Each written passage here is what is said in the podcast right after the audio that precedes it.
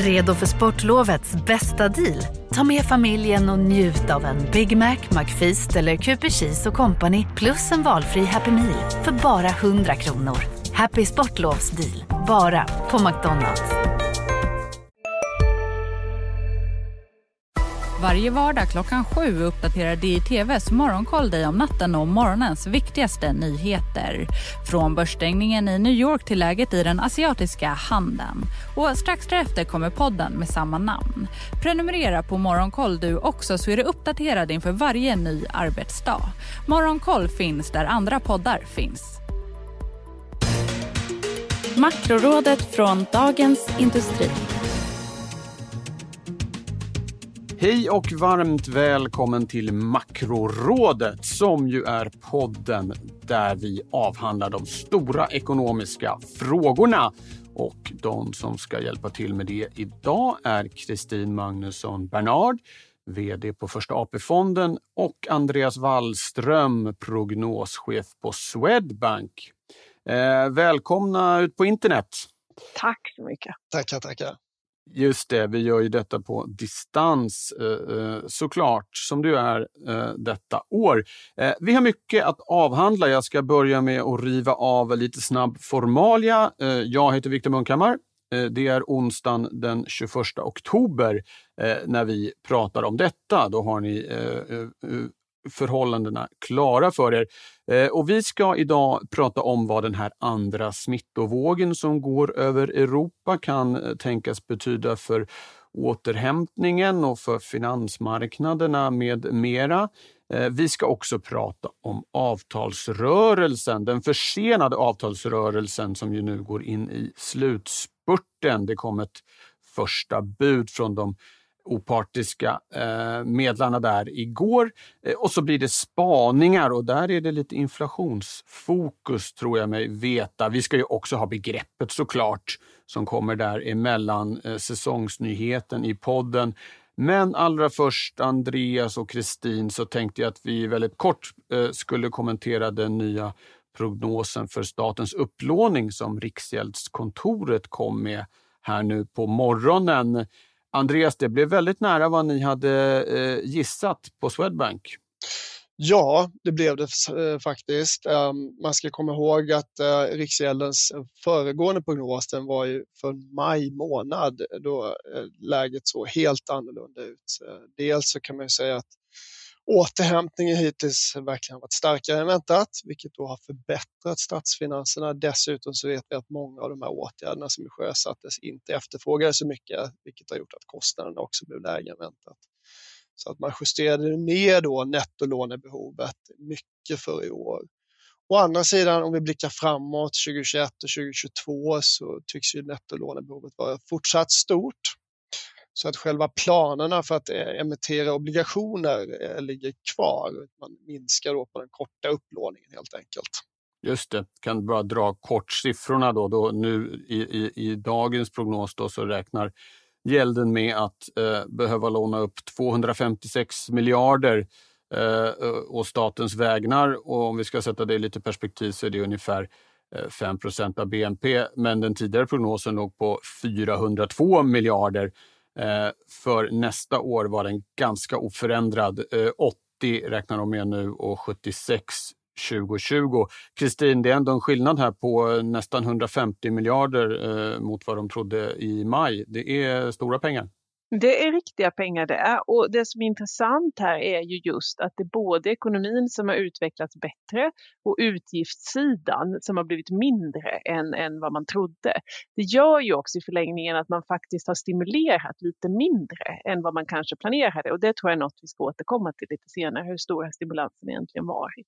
Ja, kanske ska vi återkomma till det redan nu. Jag vet inte, det kanske dyker upp här. Vi ska nämligen prata om det som håller på att hända i den europeiska ekonomin och kanske även den svenska, nämligen att den här andra vågen av smitta och med tillhörande då lokala eh, nedstängningar än så länge och kanske också beteendeförändringar eh, kan man ju tänka sig kommer i, i spåren av detta, vad det ska betyda för den ekonomiska återhämtningen.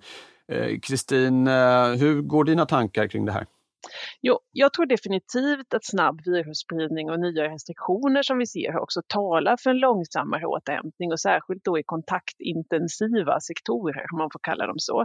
Det gör ju också att jag tror att vi kan vänta oss nya stimulanser både från eh, Europeiska centralbanken och från finanspolitiskt håll.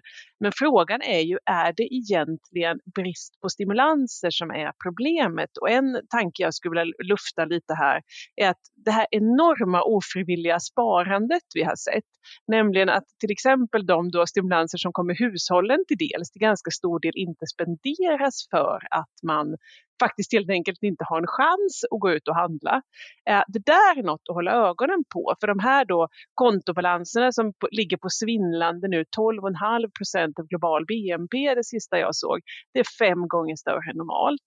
Och det innebär att det ligger en slags latent stimulans någonstans som vi inte riktigt ser, som inte riktigt har använts. Och det där kan göra att vi både kan få mer tillväxt framåt när det där väl släpper, Kanske, kanske lite inflation också, men den typen av penningmänsmått har varit sådär halvbra som indikator på framtida inflation.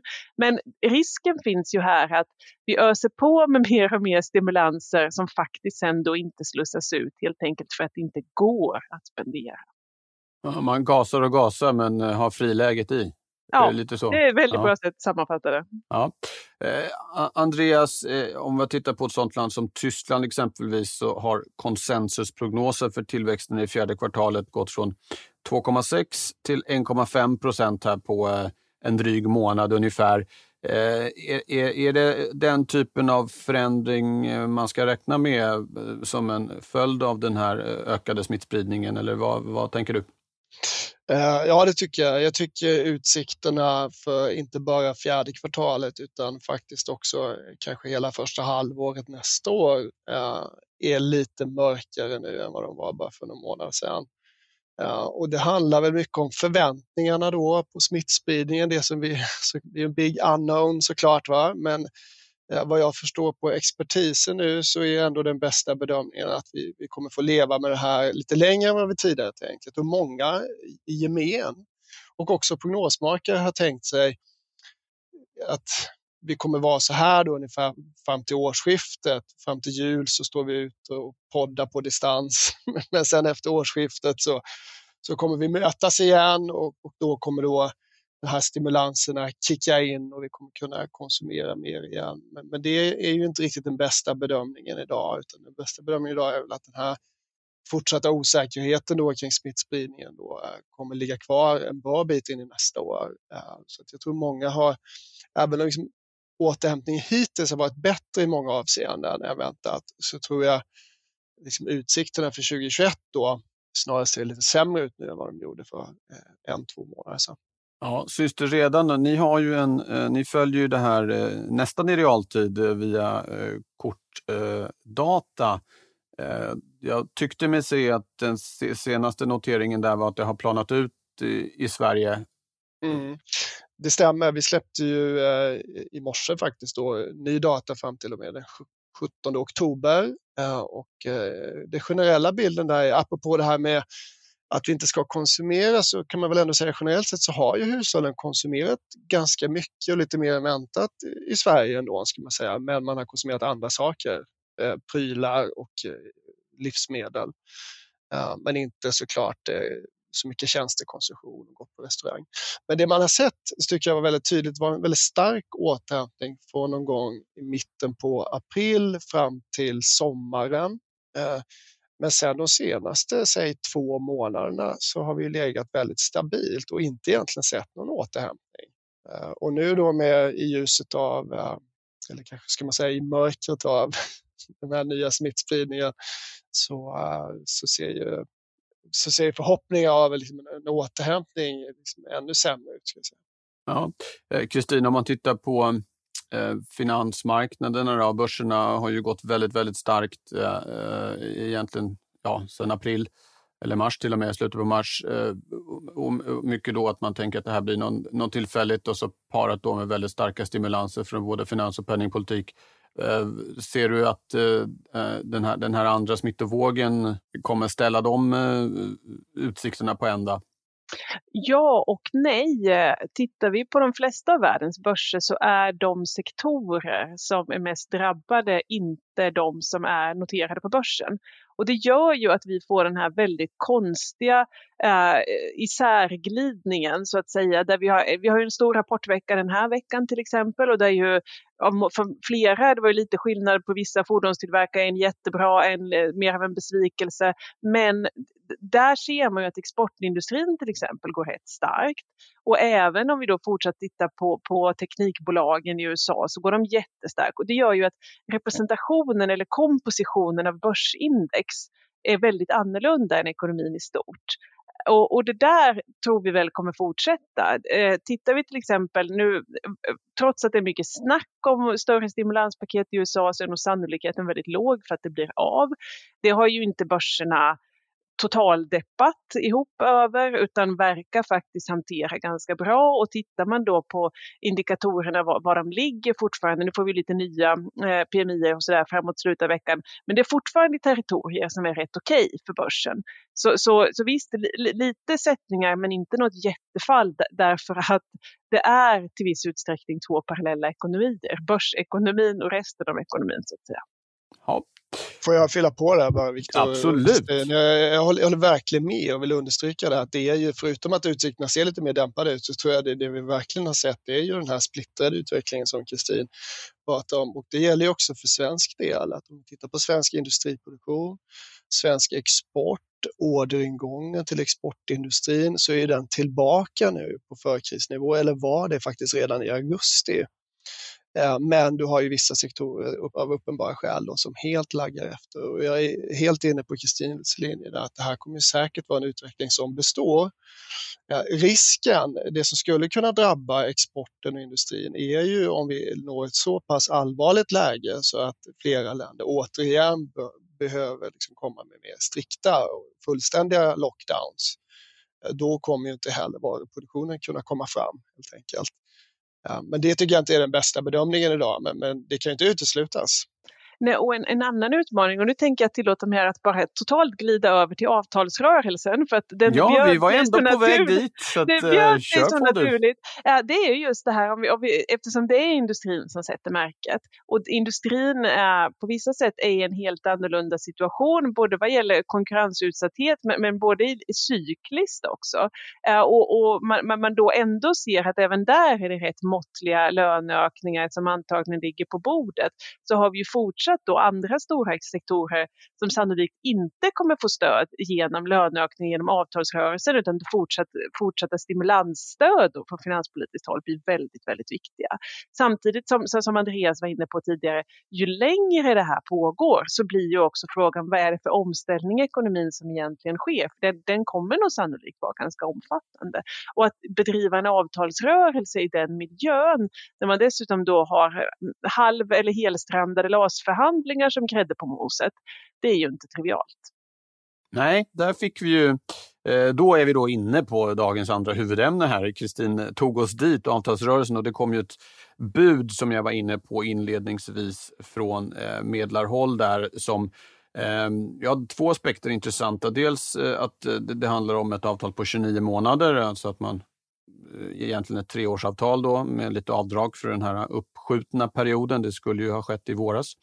Eh, och sen översatt till löneökningstakt då ungefär 1,9 procent per år. Och det här sa ju arbetsgivarsidan eh, ja till, om än med knorr som väl hör till, medan arbetstagarsidan eh, tackade blankt eh, nej. Eh, Andreas, när jag kikade på vad din bank och andra har räknat med så är det ungefär här eh, som eh, gissningarna innan har legat på, runt 2 procent. Eh, 1,9 ungefär nu då, men det blev nej till det. Var ska man tro att det, att det landar? Ändrar du era bedömningar någonting med, med anledning av det som vi har sett hittills här? Uh, nej, egentligen inte då som sagt. Eh, facken sa ju nej till de där 1,9 ungefär och eh, den bästa gissningen är väl då kanske att man lyckas nå en överenskommelse som är lite, lite högre än just de där 1,9 eh, skulle jag gissa och det är väl där de flesta prognosmakare ligger.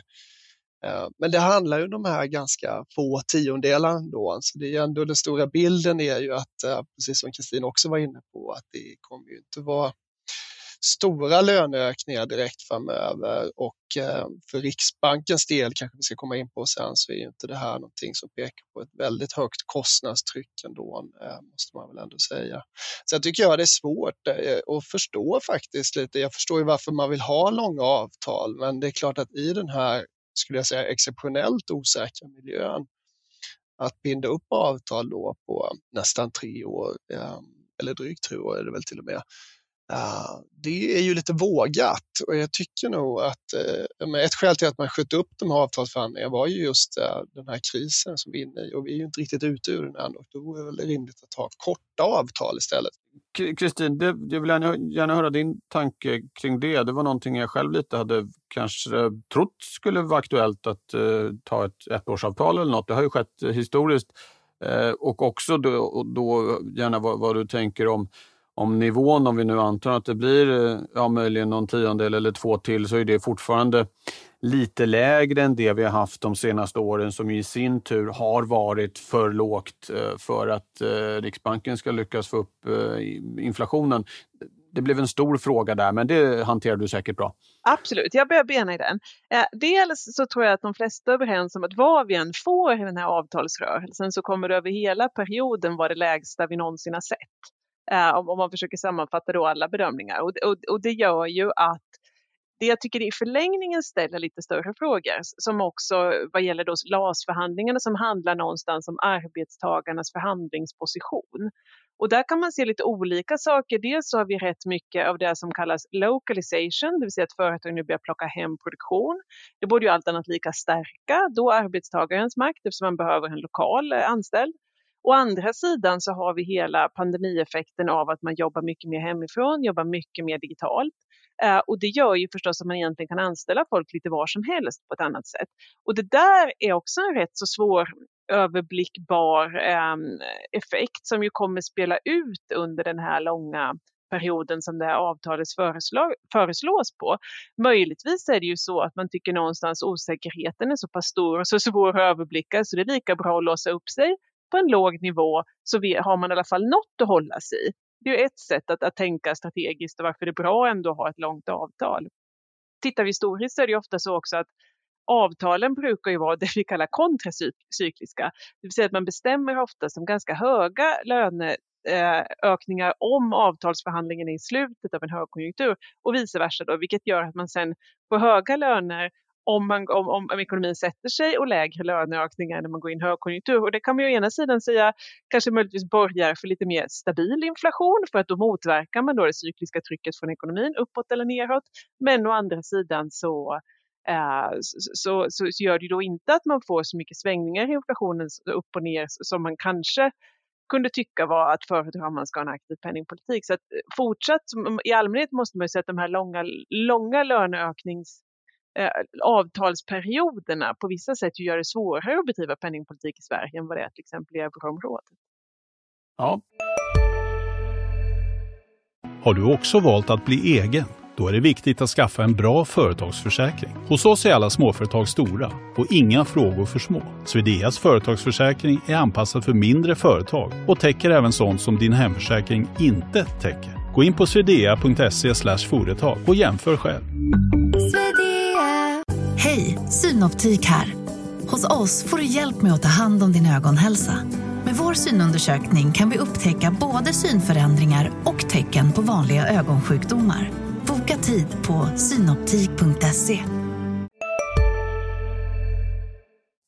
Eh, Andreas, eh, vad tror du, eh, om vi återkopplar till Riksbanken, du var inne lite på det där, eh, eh lönerna, löneökningstakten har ju legat kring 2,5 procent i ja, 5, 6, 7, 8 år nu och då har ju basen där varit eh, löneavtal som har varit lite högre än vad det ser ut att bli, bli nu.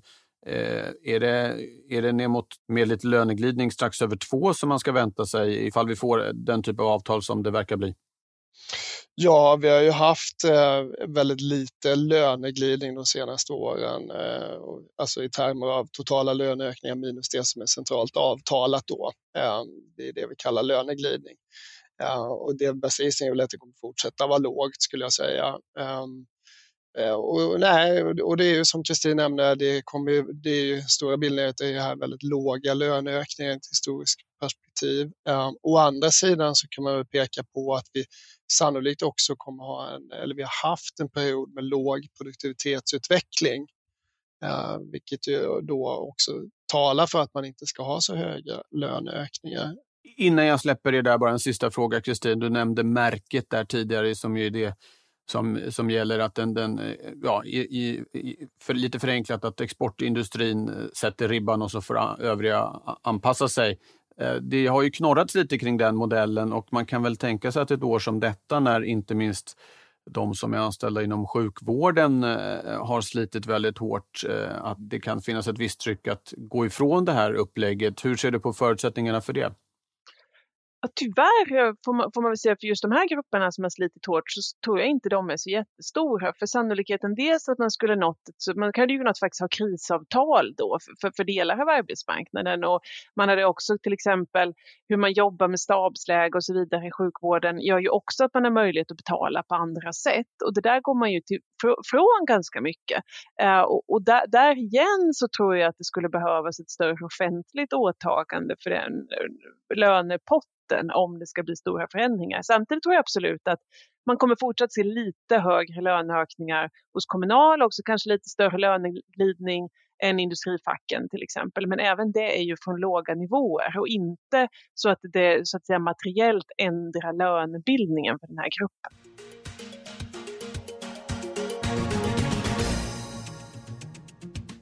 Tack för det. Då går vi över till begreppet. Vi försöker ju varje omgång i den här podden att eh, förklara på ett kort och koncist sätt ett centralt ekonomiskt begrepp eh, som vi ibland använder här, ibland använder i tidningen och som man kanske hört någon annanstans.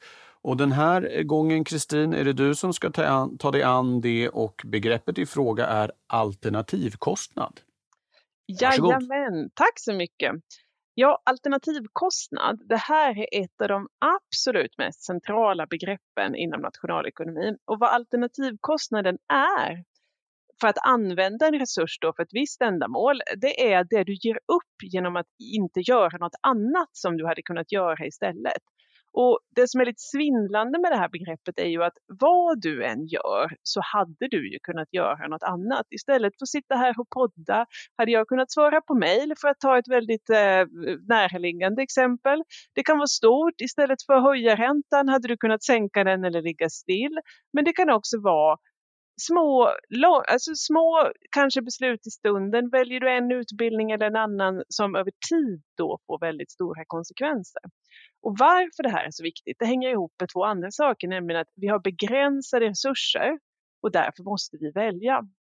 Om ni nu tycker att det här börjar låta rätt mycket som existentialistisk filosofi, ni som kommer ihåg Irene Sartre och Camus, så är det helt sant. Det, det, just den här tvånget att välja, eh, det, det, det, är ju nära existentialismen. Nationalekonomerna tar nog ingen ställning kring hur jobbigt det är att välja ett alternativ eller ett annat. Men däremot är det ju stor medvetenhet kring att det kan vara väldigt svårt att uppskatta alternativkostnaden. För ibland vet du kanske inte ens vad du väljer bort eller så har konsekvenserna så stora effekter långt fram i tiden att du inte kan överblicka dem.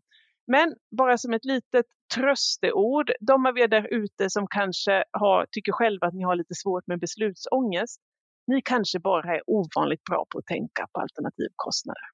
Tack för det! Och där gjorde Sartre debut också i, i podden. Det känns ju skönt att, att ha med det. Var det. På tiden. Ja, det var på tiden. Det var det verkligen.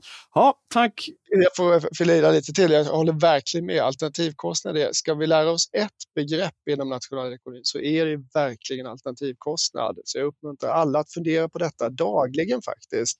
Och förutom det här väldigt konkreta exemplet som Kristin sa, vad vi skulle göra istället för att podda, så är det uppenbart att alternativkostnaden överstiger det. Och här. Men eh, ett sätt att tänka på det är till exempel på finanspolitiken då, som vi ska prata mer om framöver och regeringens politik. Det är mycket prat om de här alla stimulanserna som nu är 105 miljarder för nästa år och att de ju egentligen inte kostar någonting då varför staten lånar ju upp gratis. Men det är ju även där då så finns det ju såklart alltid en alternativkostnad. Vi ska ju inte låna upp 105 miljarder och inte göra någonting och kasta dem i sjön. Därför att då är alternativkostnaden då eh, för hög helt enkelt. Det finns ju eh, mycket bra saker att göra eh, för de pengarna. Så jag tycker jag är eh, ett bra konkret exempel också. Om än inte lika konkret som poddandet. Nej, precis. Och det är inte bara vi som har en alternativkostnad, även de som lyssnar har ju det. De hade ju kunnat göra något annat istället för att lyssna på podden. Eh, men jag hoppas att det känns som att det är värt besväret.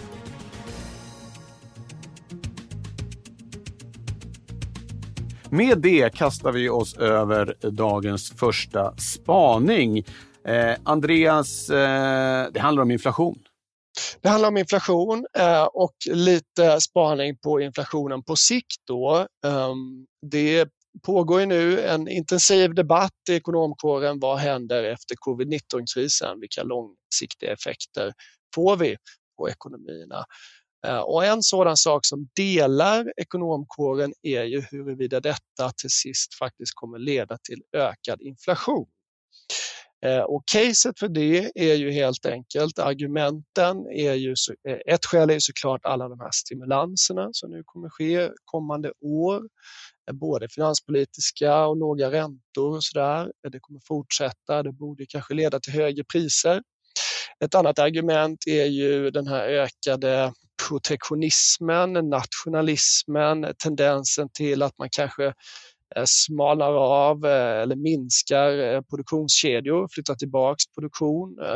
Det skulle vara argument som höjer inflationen. Jag tror dock att de där effekterna är små och konsumentprisinflationen inte kommer stiga heller efter den här krisen. Och Argumenten för det är framför allt att jag tror även efter den här krisen så kommer vi leva i en väldigt konkurrensutsatt global värld. Eh, digitaliseringen späs på, eh, vilket också då ökar konkurrensen eh, så att pristrycket kommer vara lågt även framöver. Jag tror också att det här tendensen till nationalism och protektionism är Eh, liksom, de är på randen. Eh, jag tror teknik kommer slå politik i det här avseendet. Att det är fortfarande så pass ekonomiskt lönsamt och, rationellt att eh, producera där det är billigt. Ehm, att man kommer fortsätta att köpa mycket prylar från till exempel Asien, om kanske än inte just Kina. Så att jag tror inte heller denna gång att inflationen kommer lyftas då. Och apropå den diskussionen vi tidigare hade om, om löneökningar då, så tror jag för att man ska se med den här lönedrivna inflationen så, så tror jag vi måste gå tillbaka till det vi hade liksom på 60-70-talet att en nationell makt över lönebildningen eh, där arbetstagare har större makt och, och, och, det känns ju inte som vi kommer stå där om fem eller tio år eller om, om ens någonsin. Jag tror att den här trots allt globala värden är här för att stanna och eh, de företag som har pratat om och som har bestämt sig för att flytta tillbaks produktion, till exempel till Sverige, eh, vad jag har sett så har ingen nämnt att de kommer göra det och samtidigt se ökade kostnader med det, vilket då skulle kunna driva upp inflationen, utan alla har ju pekat på så säga, rationella skäl då att det här faktiskt kan sänka kostnaderna. Jaha, Kristin, eh, dina, dina tankar om eh, Andreas eh, spaning? Ja, dels, nu, nu hade det förstås varit spännande här om jag hade tyckt att herr Wallström hade fullständigt fel, men, men ja. det tycker jag inte. Eh, utan jag tänkte snarare borra lite mer just i den här biten kring vad som skulle krävas i termer av finanspolitiska stimulanser för att det då signifikant faktiskt skulle leda till ett inflationstryck. Och det här Går du nu är... över på din egen spaning här? Ja, nu på, på min egen spaning. På ett sömlöst sätt? Ja, ja, okay. ja, ja. Och koppla här, den till Andreas? Här, här ja, men det är snyggt. övergångar. Ja. ja, det är bra. Äh, och, äh, det här är en tanke som vädras allt mer och jag tänkte ta den formuleringen som förste vice riksbankschef Cecilia Skingsley använde i tal här om veckan, nämligen finanspolitiken inte bara kan ge understöd till penningpolitiken när det gäller att motverka konjunkturnedgångar utan också när det gäller att upprätthålla förtroendet för inflationsmålet. Med andra ord förhindra att inflationen faller för mycket. Och bakgrunden till det här är ju förstås att eh, inflationsutfallen har varit lägre än väntat sedan, sedan coronakrisen startade. Ett par ganska markant mycket sämre utfall här och var men, men över hela linjen framförallt då att efterfrågeeffekter, negativa efterfrågeeffekter har dominerat. Så man sänker priserna i de mest utsatta sektorerna för att faktiskt försöka hålla uppe kvantiteterna lite grann. Men det finns också rätt intressanta skillnader mellan länder och det man ser är att de länder där de finanspolitiska stimulanserna har varit som störst, där hålls inflationen uppe bättre. Och här får man USA är framförallt en outlier här. Att i USA har inflationen faktiskt ökat, vilket vi absolut inte ser i förhållande till Sverige. USA är ju också det land som har haft sjösatt absolut störst stimulanser. Liten brasklapp, inflationen mäts på lite olika sätt men, men den stora trenden där tror jag håller i sig. Och då är ju frågan, hur mycket ska man stimulera för att effekten på inflation då ska vara plus minus noll över den här perioden.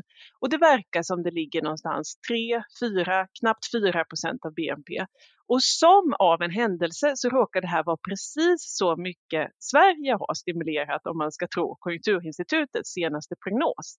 Men tillbaka till det här vi pratade om innan så är det ju kanske så att prognosen för stora stimulanserna skulle bli ännu lite mindre i verkligheten. Så det har nog um, då stimulerats lite mindre än vad man skulle kunna tro där. Men ska man tro den här analysen så är det ändå så att finanspolitiken har hjälpt till att upprätthålla förtroendet för det svenska inflationsmålet för att det har då kanske ungefär nettat ut då de här negativa efterfrågeeffekterna med ytterligare stimulanser. Men det är faktiskt mer än så här uppfattar jag att Riksbanken är ute efter upprätthålla inflationen för inflationsmålet, då vill man ju faktiskt se inflationen komma upp mot en 2% igen. Och här tycker jag vi tar allas vår eh, vice riksbankschef Henry Olssons favoritmått och gör ett glidande medelvärde på inflationen på 12 månader, KPIF-inflationen. Räknar jag rätt får jag den att landa till ungefär 0,9 procent eh, över de senaste 12 månaderna.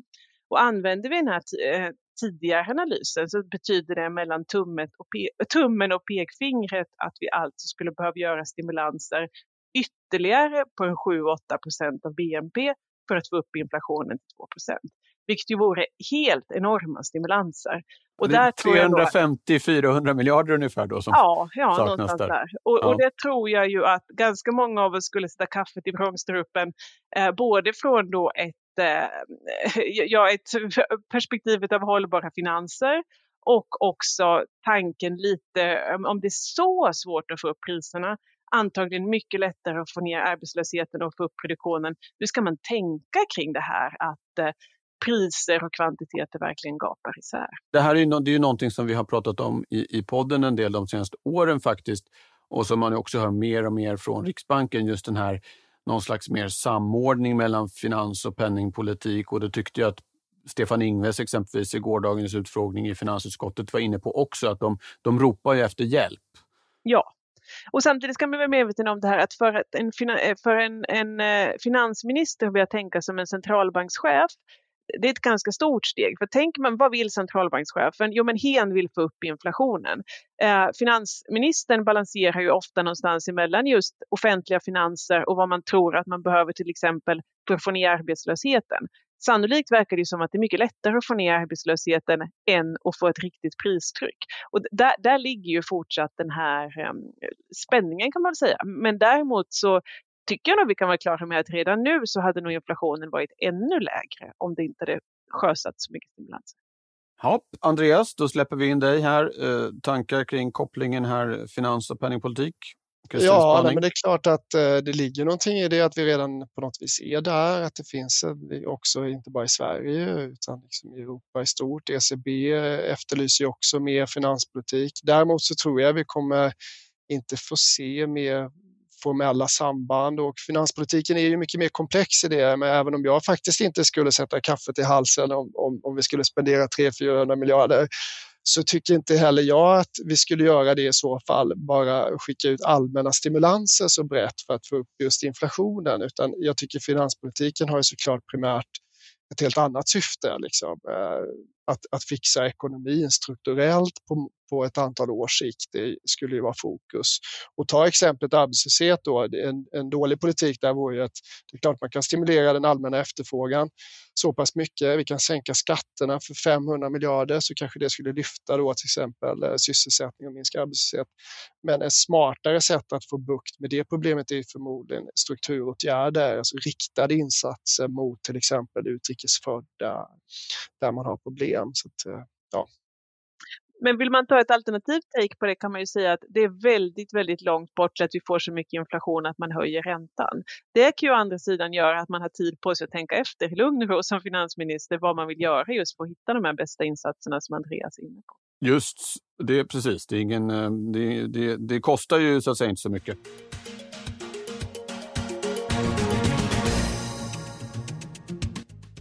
Där ska vi eh, eh nästan sätta punkt. Eh, vi ska ta oss an eh, eh, programmets sista avdelning och Andreas, det är du som ska få berätta för oss och lyssnarna vad som är veckans viktigaste.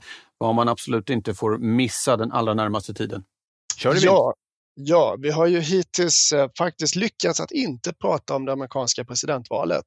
Ja, vilket, ganska eh, skönt. var imponerande.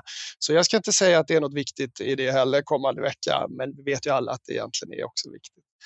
Eh, nej, jag skulle lyfta fram då, eh, apropå också lite det vi har pratat om, inflation och Kristins spaning här, ECBs besked eh, eh, nästa vecka. Eh, det är ett ganska stort tryck på ECB att lätta mer på penningpolitiken. Eh, inflationen i Europa har ju verkligen varit låg. Kärninflationen i september långt ifrån målet, faktiskt det lägsta som någonsin har noterats.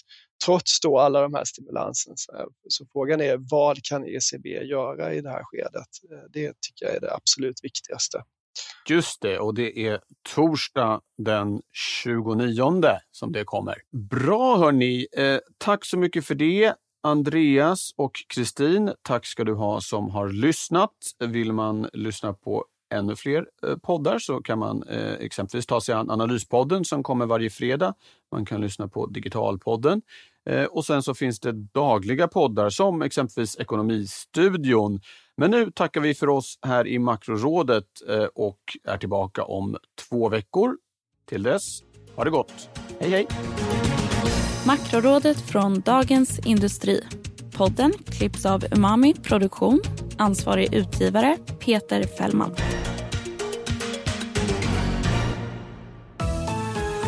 Hej! Andreas Johansson på DIs nyhetsmagasin Ekonomistudion här. Vi fördjupar oss i de viktigaste frågorna och möter Sveriges makthavare inom ekonomi och politik.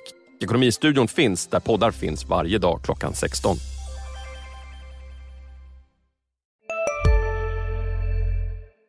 Hej, Susanne Axel här. När du gör som jag och listar dig på en av Krys vårdcentraler får du en fast läkarkontakt som kan din sjukdomshistoria.